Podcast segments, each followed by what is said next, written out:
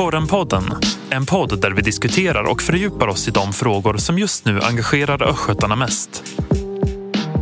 Hej! Korrenpodden den här veckan tar sig an ett litet krimsvep. Det vill säga att vi lyfter veckans krimnyheter i vårt område. Och vem lämpas inte bättre då än att prata om detta med, med korrens mångåriga krimreporter Fredrik Kvist. Hej på dig! Hallå! Hej! Du gillar den där presentationen ja. va? ja, men det, det är en uh, titel man bär med stolthet. Krimreporter. Du, vi har ju varit uh, kollegor ganska länge, men hur gammal i gamet är du egentligen? Eh, jag har jobbat eh, 25 år på korren. Så jag fick eh, äta middag tillsammans med förra chefredaktören här för inte så länge sedan. Det var trevligt. Mm. Och så fick man ett litet presentkort att köpa saker. 25 år till? det tror jag inte. Nej, det ser jag inte framför mig. Jag är på, på uh, slutspurten nu. Slutspurten? Ja, 15 år lång. Um, kan du skriva någonting annat än krim? Eh, det vill jag tro. Men det, det, tyvärr är det så att det händer så mycket inom den världen så att det är svårt att kanske hinna med annat. Men eh, jag skriver gärna om eh, andra nyheter också. Jag har skrivit en hel del om sjukvård faktiskt. Mm, just under det. pandemin. Just det. Men den är, känns ju som att den är mer eller mindre passerad mm. tack och lov. Och lite näringsliv och uh, Saab. Precis, sånt. jag råkar vara väldigt intresserad av uh, stridsflygplan så då passar det bra att man är verksam här i Linköping. Så det är spännande att följa vad som händer kring uh, utvecklingen av Gripen. Bland annat. Det. Och det är ju lite högaktuellt nu. Ukraina vädjar ju faktiskt om att få svenska Gripenplan. Så det är en diskussion som pågår eh, faktiskt. Eh, mm. Intressant. Får se var det landar i då. Mm. Men när det kommer till de här dagliga kollarna i krimvärlden då? Eh, är det något särskilt som gör att du går igång på ett, en handling och tänker att det här blir nog en bra nyhet? Ja, alltså självklart det, det som är viktigast är de stora händelserna som skjutningar och dylikt som har plågat Linköping. Men, men personligen är jag väldigt förtjust i eh, de här lite udda historierna som man kan upptäcka ibland. När man läser väldigt många förundersökningar som jag gör så, så ser man ibland en del eh, sköna bortförklaringar så att säga. Mm. Så jag brukar försöka ha ett öga för det.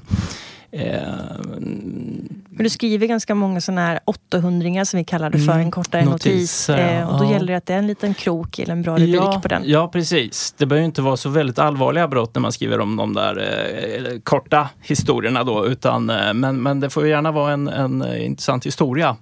Någon kanske intressant kommentar från den misstänkte som kan eh, göra texten intressant för mer än mig själv.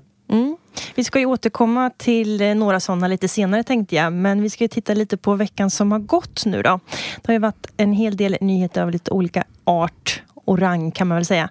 Mm. Eh, men bara först en snabb koll kring skjutläget i eh, Linköping. Det var ett par ja. veckor sedan som det briserade igen i Ryd mot en lägenhetsdörr, eller Precis. lägenhetsdörr och en trappuppgång. Ja. Eh, och sen strax in på två ytterligare händelser lite snabbt. Vad var det som hände på de där två efterföljande där? Ja, det börjar ju som sagt, det skrev ju du själv om Julia, den här skjutningen mot en lägenhet i Ryd. Den följdes ju av en eh, allvarligare händelse i Vimansell där en 31-årig man eh, faktiskt blev skottskadad tack och lov lindrigt. Eh, och sen följdes det för inte så länge sedan av en, eh, ytterligare en skjutning mot en lägenhet i Ryd. Och I den lägenheten fanns det ju personer. Så polisen rubricerade det som försök till mord. Så att eh, året har ju inte börjat särskilt bra i Linköping. Det är tre skjutningar på kort tid. Förra året var ju tämligen lugnt eh, faktiskt. Eh, mm. 2021 var ju förfärligt med, med sex, mm. Eh, fem mord och ett sjätte som kom då i början av förra året. Mm. Tror du att det här är starten på en ny omgång? Det känns ju som att den här, kan man kalla det, en skör vapenvila har brutits nu. Vad som har utlöst det här vet vi inte, eller jag vet inte det. Polisen kanske vet, men de har inte velat berätta det. Men man kan ju tänka sig att alltså, Linköping är ju en ingen isolerad ö. Vi ser ju på andra ställen i Sverige vad som händer nu, framförallt i Stockholm och mm, kriminella som är verksamma i Linköping har ju kontakter med, med andra kriminella från andra orter. Så att, eh, det är möjligt att det kan finnas något samband här. Att den här eh, våldsvågen som vi ser i Stockholm börjar liksom, eh, spela över till mm. Linköping. Och det senaste här då, vad är det? Finns det några misstänkta? Någon frihetsberövad? Nej, det gör det inte. Eh, det är svårt eh, givetvis som vanligt. Eh, polisen har ju tyvärr inte lyckats särskilt bra måste man ju vara ärlig med att säga hittills de här sex eh, morden som har skett då på kort tid, eh, 2021, 2022, de, inget av dem är ju uppklarade. Så att polisen har ju verklig uppförsbacke när det gäller att lösa, lösa de här brotten. Eh, eh, det vore ju en viktig signal om man, polisen någon gång lyckas eh, lagföra någon av de här eh, individerna som skjuter. Men, men än så länge har det varit svårt. Mm. Vi ska raskt över till en annan kommun, Ydre kommun närmare bestämt, mm. Österbymo. Det var ju en speciell händelse i juli där eh, och åtalet för den kom i veckan. Fredrik, vad hände? Ja, men det var ju ett lite sådär udda fall som jag eh, gick igång på. Det var så att eh, tre män eh, dök upp i en vit skåpbil i, i Österbymo. Och Österbymo är ju ingen jättestor ort, även om det är centralort i Ydre kommun. Och man kan ju tänka sig att i en sån här mindre ort så är den sociala kontrollen betydligt större än i Linköping. Så att de här männen gjorde nog ett eh, rätt rejält misstag när de valde att svänga in på återvinningsstationen i Österbymo. Mm. Det, de drog ju till sig eh, allmänhetens ögon kan man säga här. Så att eh, folk här som befann sig på återvinningsstationen ana oråd stängde helt enkelt eh, grindarna till eh, återvinningsstationen. Männen sågs då börja kasta ut skrot som de då antagligen hade lastat då i avsikt att stjäla. Eh, så männen kom inte ut där och dessutom så var det en man som åkte omkring med en eh, hjullastare inne på området så han blockerade dessutom eh, skåpbilen i väntan på att polis skulle komma. Och de dök ju upp så småningom. Det är ju inte världens mest polistäta ort, Österbymo, men till slut kom ju tre polisbilar. Mm. Och som någon, något vittne beskriver, halva, halva stan, det är ju ingen stad, men Nej. halva stan var på fötterna här och, och deltog. Hur många var det undrar man? ja, kanske inte jättemånga, men, men de här männen greps. Två av dem har nu åtalats eh, för, för stöld. De påstås ha kommit över eh, skrot till ett värde av 2000 kronor. Så mm. det är inget jätteallvarligt brott på det sättet. Men det visar väl att eh, i mindre orter så, så tenderar folk att reagera över mm. saker som eh, inte stämmer in med det vanliga mönstret. Man ska inte, man ska inte ge sig på Ydrebor helt enkelt. Nej. De har ju väldigt låg brottslighet i den kommunen också. Det är nog en av eh, länets tryggaste orter skulle jag tro. Återkommande. Så. Ja, verkligen, ja. verkligen. Det har sina förklaringar kanske. Helt klart, helt klart. De är på tårna där. Ja. Eh, sen hade vi en händelse eh, som handlade om fem pojkar som misstänks ha legat bakom ett rån på en buss i Linköping. Mm. Och som du skrev om där, det var hände ju i oktober förra året eh, på en buss på väg till Stora torget. Fem pojkar mot två. Ja. Och eh, någon ska ha blivit eh, tvingad att säga fuck Berga. Just det, de försökte tvinga den här pojken att säga fuck Berga men han vägrade. Eh, en väldigt otrevlig historia och det anmärkningsvärda här det är ju bara en pojke som blev åtalad. För var, eh, han var den enda som var över 15 år alltså straffmyndig. Det här var ung, rätt unga killar. Den yngsta var bara 12 år som enligt polisen då var inblandad i det här rånet. Mm. Och det är ju obehagligt med just de här, det här förnedringsinslagen som, som dyker upp här. Eh, tvingar någon att säga eh, något otrevligt. Då. Mm. Och avsikten var ju också att han skulle säga det inför att någon skulle filma då med mobilen. Mm. Man kan ju tänka sig vad följderna kunde bli ja. av det då. Så ja, det känns precis. ju obehagligt och det är så banalt. Och stöldgodset då, två kepsar och ett par ja. airpods. Eh, känns ju väldigt onödigt. Ja. Det var ju inte jättelänge sedan vi hade den här så kallade rånvågen bland ungdomar i Linköping, är väl ett par år sedan mm. nu. Då var det ju väldigt tätt mellan just den här typen ja, av vågor. rån bland väldigt unga pojkar Precis, framförallt. det är som någon epidemi som sprider sig, inspirerar varandra. Nu tror jag inte att det är någon sån pågående rånvåg just nu, tack och lov, men, mm. men det återkommer ju då och då. Ja. Väldigt otrevligt. Övervakningskameran ska ha fällt den här pojken ja. på bussen. Ja, ja. Ja visst, eh, precis. Förloppet filmas då eh, av en övervakningskamera på bussen och, och dessutom då eh, det här förloppet fortgår så att säga utanför bussen sen och då är det tack och lov eh, vanliga människor som reagerar och kontaktar polisen. De här pojkarna sökte skydd inne på Pressbyrån på Stora torget och polisen anslöt. Och till slut mm. kunde man då med hjälp av övervakningsbilder identifiera de här. Mm. Och som sagt, fyra av fem då under 15 år. Så det blir ju en kanske då främst en uppgift för sociala. Eh, förvaltningen att, att eh, ingripa med någon form av åtgärd. Kan ja. man hoppas. En annan som fångades på film var ju en 51-årig man i Mjölby. Eh, Ja, i ett- Ytterligare ett eh, väldigt... en situation som man inte själv var så brott. nöjd med efteråt heller. Vad var det som hände? Ja, återigen då är ju eh, polisen väldigt behjälplig av övervakningsbilder. Det här var en 51-årig man som den 24 juli i fjol eh, befann sig i ett väntrum, en väntkur på resecentrum i Mjölby. Och under fyra timmars tid så ägnar sig den här 51-åriga mannen åt att vandalisera kuren, bryta sönder saker, klottra på, på golv och sådär. Mm, Och ensam? sagt- ja, helt ensam. Eh, Det var nog inga andra som väntade på Mm. tåg eller buss där. Eh, Men som sagt, hela förloppet filmas då cirka fyra timmar och eh, mannen får ju så småningom eh, samtala med polisen om det här. Blir förhörd. Och eh, när han ser sig själv på bilderna så inser han det är ju liksom meningslöst att neka då. Och Han säger väl någonting i stil med att ja, visst det är genant. Eh, Han, han står för det han har gjort men han har väl ingen Mm. rimlig förklaring till agerandet. Var det någon sorts eh, påverkan av någon substans? Jag vågar inte inblandad. svara på det men eh, mm, jag skulle inte hålla det för otroligt. Fyra timmars bär Bärsärk i, i väntkur. inte, har ju inte vanligheterna kanske. Nej, nej. Mm. Ja, Vi ska hinna med en till Mjölbynyhet från veckan som varit. Det handlar ju om ett äldre par, om man nu kan säga så. De var 52 och 71. Eh, som togs på bar gärning med amfetamin. Och det här hände i oktober 2020. Och nu kom det rättsliga efter spelet. Men hon gjorde ju någonting där som jag vet att vissa pysslar med eh, men som jag aldrig själv riktigt förstått. Och då tänker jag inte på det här med narkotikan då, utan det här med att förvara saker i sin bh.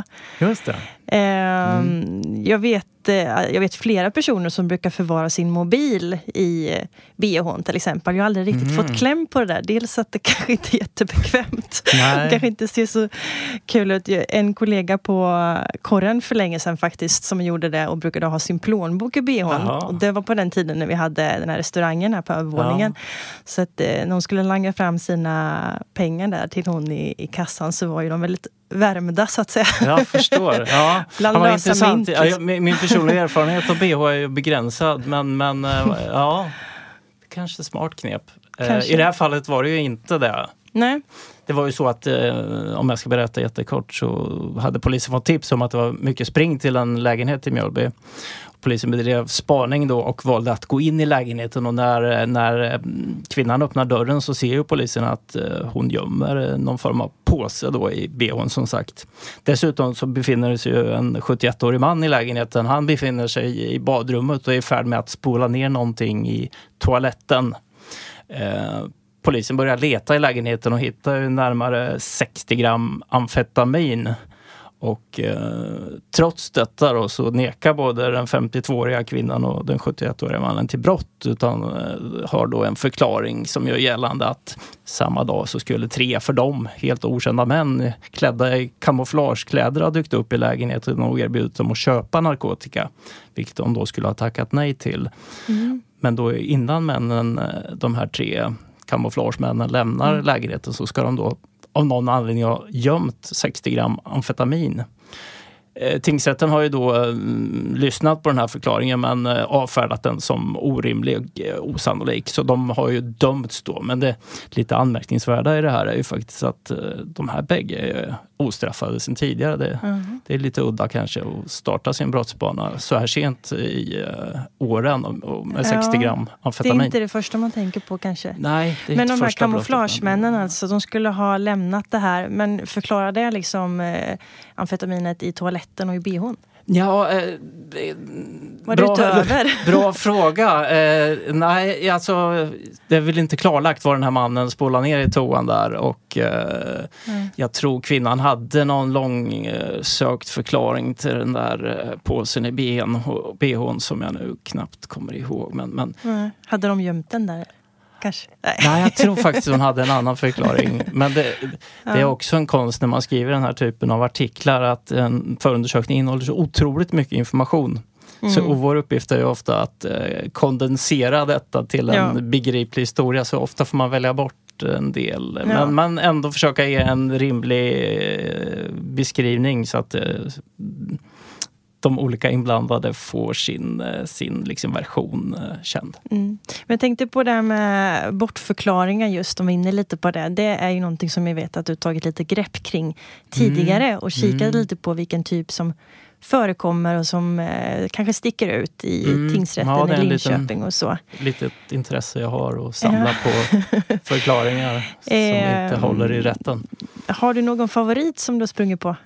Jag kommer att tänka på eh, en man som eh, gjorde sig skyldig till fortkörning. Jag tror det var i Brokind utanför Linköping för ett par år sedan. Han, han eh, åkte dit för att ha kört aningen för fort men nekade då till brott. Och hans förklaring gick ut på att just den här dagen så hade det blåst väldigt mycket. Och då menar han på att polismannen som stod där med sin, sitt laserinstrument och mätte hastigheten måste ha liksom vajat till på något sätt i den hårda blåsten. Vilket då gjorde att eh, mätningen inte blev eh, korrekt, korrekt, menar den här mannen. Det är ju en elegant förklaring. Ja. Tingsrätten köpte den inte utan han dömdes då att betala eh, en summa i böter. Ja.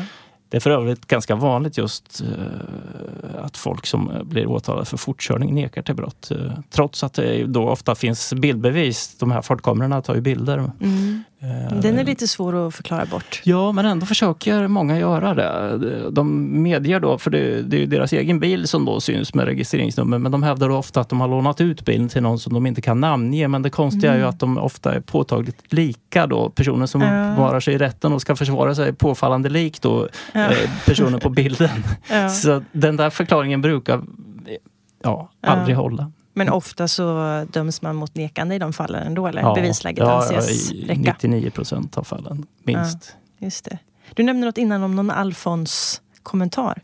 Vad var det för något? Ja, just det. Ja, men det var någon man som eh, blev ertappad med att ha narkotika i sina eh, byxor. Och eh, nekar mannen till brott och, och hävdar att någon annan måste ha lagt narkotikan då i hans byxficka utan att han märkte det. Och när polisen frågade vem var det då? Då sa han att ja, det var nog spöket Laban. Tyder ändå på en viss humor. Ja. Kommer att tänka också, det, snattare har också en tendens att gärna neka till brott även om det är uppenbart att de är skyldiga. Mm.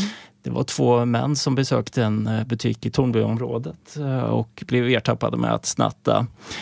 Deras förklaring, de nekade brott, deras förklaring var att de varor de stal eh, saknade prislappar. Och då menar de på att då var det fritt fram att ta, för då var det mhm. gratis. Mm. Men den okay. förklaringen köpte inte tingsrätten heller. Ja, det var ju påhittigt. Det har jag missat ja. i så fall. Ja, det, det är en den, väldigt bra deal. Ja, ja, precis. kan man gå och plocka bort alla möjliga lappar. Ja, ja. tyvärr funkar det inte.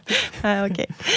Ja men bra, kul. Eh, mm. Nästa vecka, har du några planer alltså jobbmässigt? Är det något särskilt som vi går och väntar på eller som är i pipen? Det är ju både tjusningen och förbannelsen med vårt yrke att vi vet aldrig riktigt vad som kommer hända. Eh, Tyvärr befarar väl polisen att det kan komma att ske fler eh, skjutningar så vi har väl hela tiden, vi på redaktionen, någon sorts mental beredskap för att det tyvärr kan ske snart igen. Mm. Sen rullar ju efterspelet till påskkravallerna i Skäggetorp eh, vidare. Det har ju varit tre stora rättegångar hittills i Linköpings tingsrätt men nu börjar eh, polisen samla sig till en fjärde rättegång. Det sitter redan flera personer häktade. Eh, så det är ett väldigt långt omfattande efterspel till, till de här kravallerna. Mm. Och hittills är det ju ett, kanske tiotal eh, unga män som har dömts eh, mm. här i Linköping bara för att ha deltagit i, i Skäggetorpskravallerna de två påskdagarna. Där. Och ganska hårda straff har de fått. Ja, det har varit upp till fem år. och åklagaren har ju sagt till mig tidigare att hon räknar med att kanske ett 50-tal personer är misstänkta. Så att de här rättsprocesserna kommer nog pågå ett ganska långt tag. Mm. Och det var ju ett gediget eh, filmmaterial också som fanns att gå igenom. Så kan hända ja. att det, mm, de har att göra så att säga och så betar av Verkligen. hela tiden. Ja, ja mm. nej, det här kommer, kommer nog pågå eh, resten av året skulle jag tro. Och sen blir det ju nästan med automatik alla de här domarna överklagat till hovrätten. Eh, så att det, det är mm. omfattande processer som pågår. Mm. Vi får se vart det landar. Men vi tar och rundar av för den här veckan. Tack så mycket mm. Fredrik för att du var med mig. Tack så mycket. Och ett nytt avsnitt av Korrenpodden nu får ni in nästa vecka. Vi hörs då. Du har lyssnat på Korrenpodden. Ansvarig utgivare Maria Kustvik.